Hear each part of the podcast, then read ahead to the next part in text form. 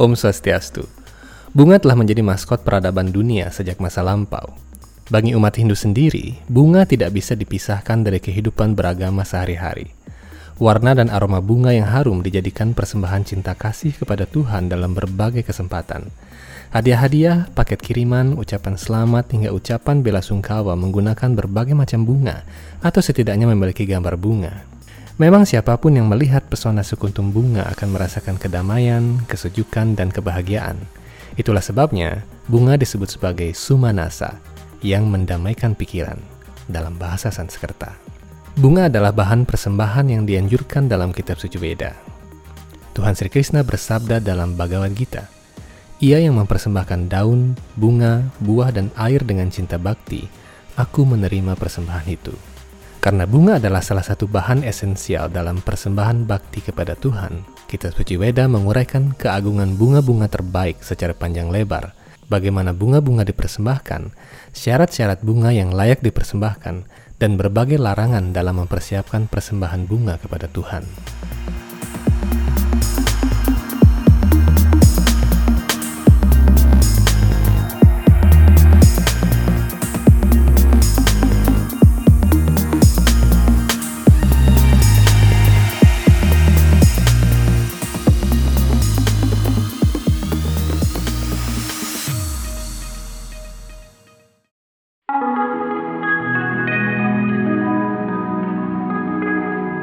Seluruh pustaka suci Weda menyebutkan bahwa Tulasi adalah ratu segala bunga, sebab ia senantiasa menghiasi kaki Padma Tuhan Sri Krishna.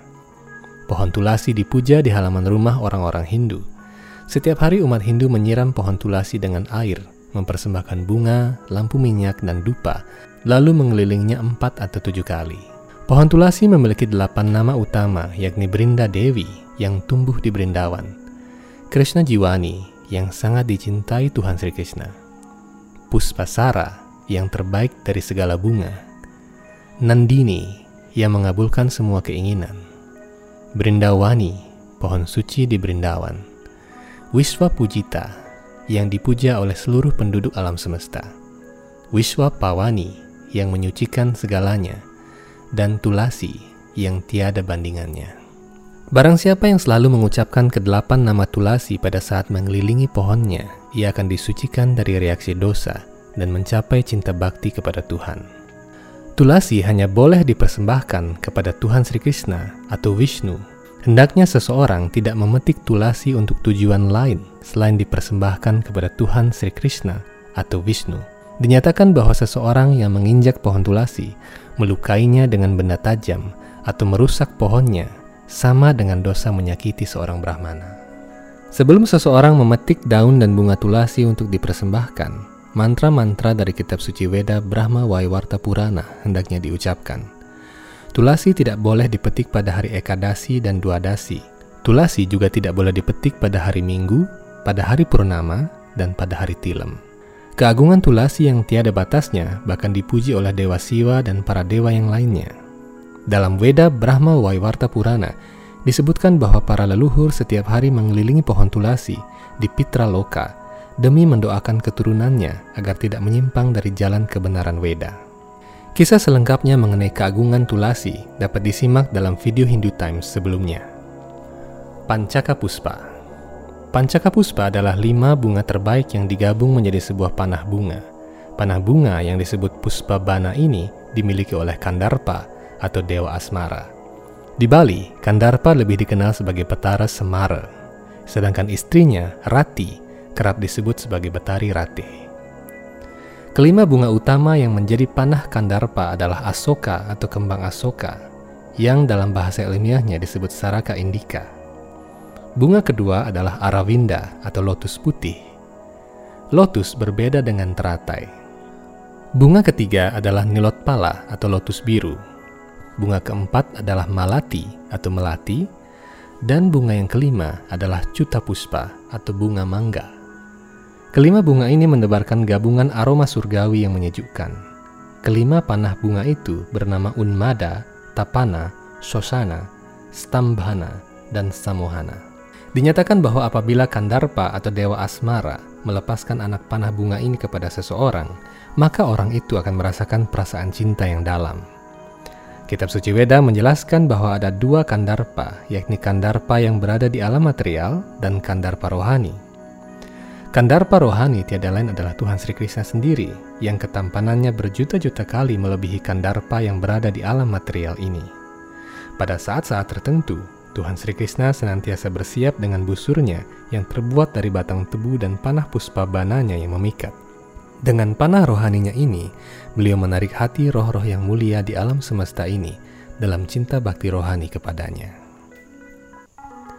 Syarat bunga yang bisa dipersembahkan Karena bunga adalah wujud persembahan kepada Tuhan, proses memetik, mencuci, menyiapkan, dan mempersembahkan bunga adalah bagian dari bakti kepada Tuhan dan hendaknya dilakukan dalam keadaan bersih.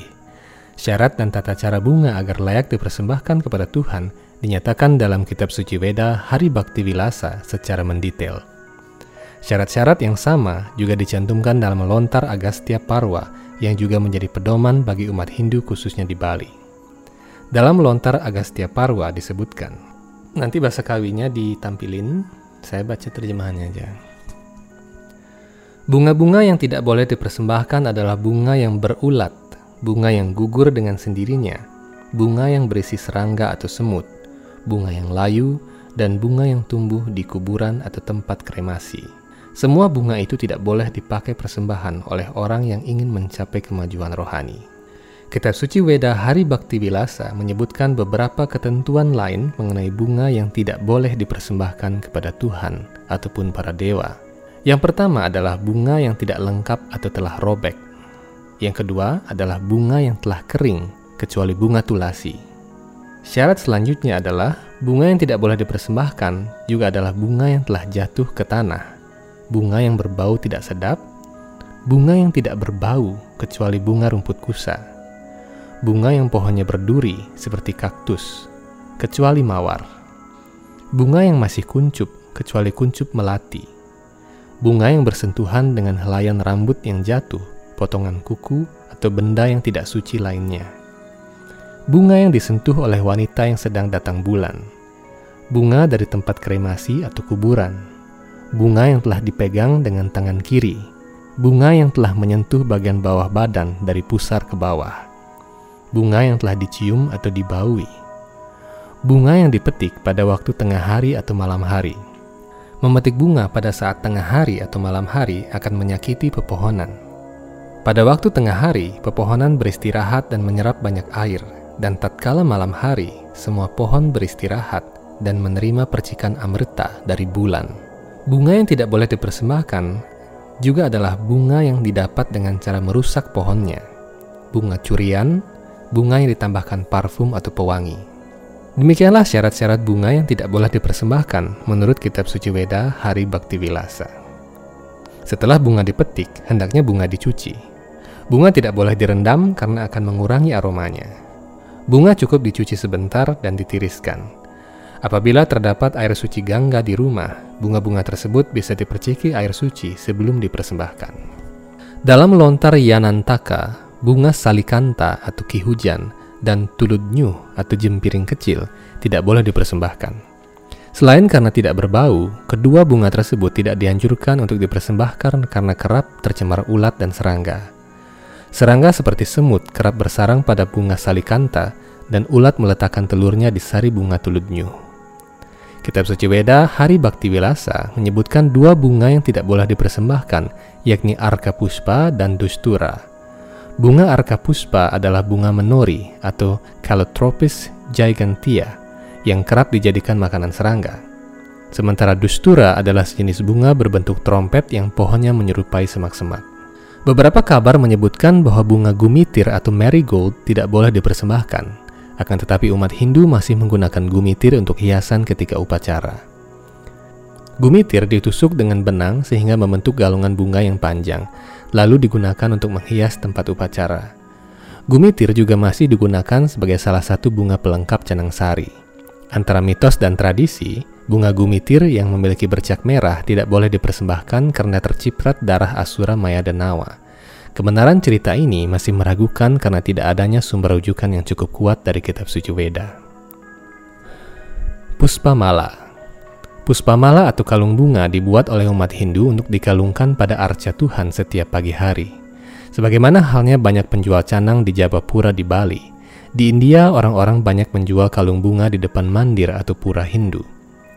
Bunga-bunga yang mereka pakai tidak tanggung-tanggung bagusnya. Mawar, melati, gadung, kadamba, tamala, bakula, parijata, dan lotus yang semuanya sangat mahal harganya di negara tropis seperti Indonesia. Beberapa bunga seperti jangga atau gadung sangat langka di Bali dan hampir tidak pernah dipakai lagi dalam persembahan maupun hiasan. Padahal, bunga gadung yang berwarna kuning sangatlah harum dan lumrah dipakai dalam persembahan-persembahan penting di kala zaman kerajaan Hindu pada masa lampau. Tradisi mengalungkan kalung bunga kepada tamu dan orang terhormat sesungguhnya adalah tradisi Weda yang diadopsi dalam kebudayaan modern. Kitab suci Veda Bhagavata Purana menyatakan, Siapa pun yang mencium bunga yang telah dipersembahkan kepada Tuhan Sri Krishna, ia segera dimurnikan dan ia tidak akan pernah melihat neraka. Dalam kitab suci Veda Skanda Purana juga dinyatakan, Dewa Brahma berkata, Wahai putraku Narada, siapa pun yang di lehernya memakai kalung bunga yang telah dipersembahkan kepada arca Tuhan Sri Krishna, ia terbebas dari segala dosa, penyakit, dan kematian yang tidak wajar.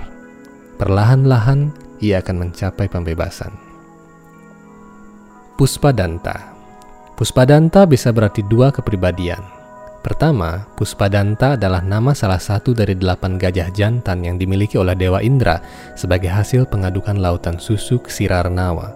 Kedelapan gajah surgawi ini bernama Airawata atau Erawan, Pundarika, Wamana, Kumuda, Anjana, Puspadanta, Sarwabhauma, dan Supratika.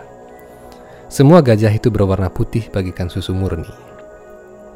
Kedua, Puspadanta juga adalah salah satu dari seribu nama suci Tuhan.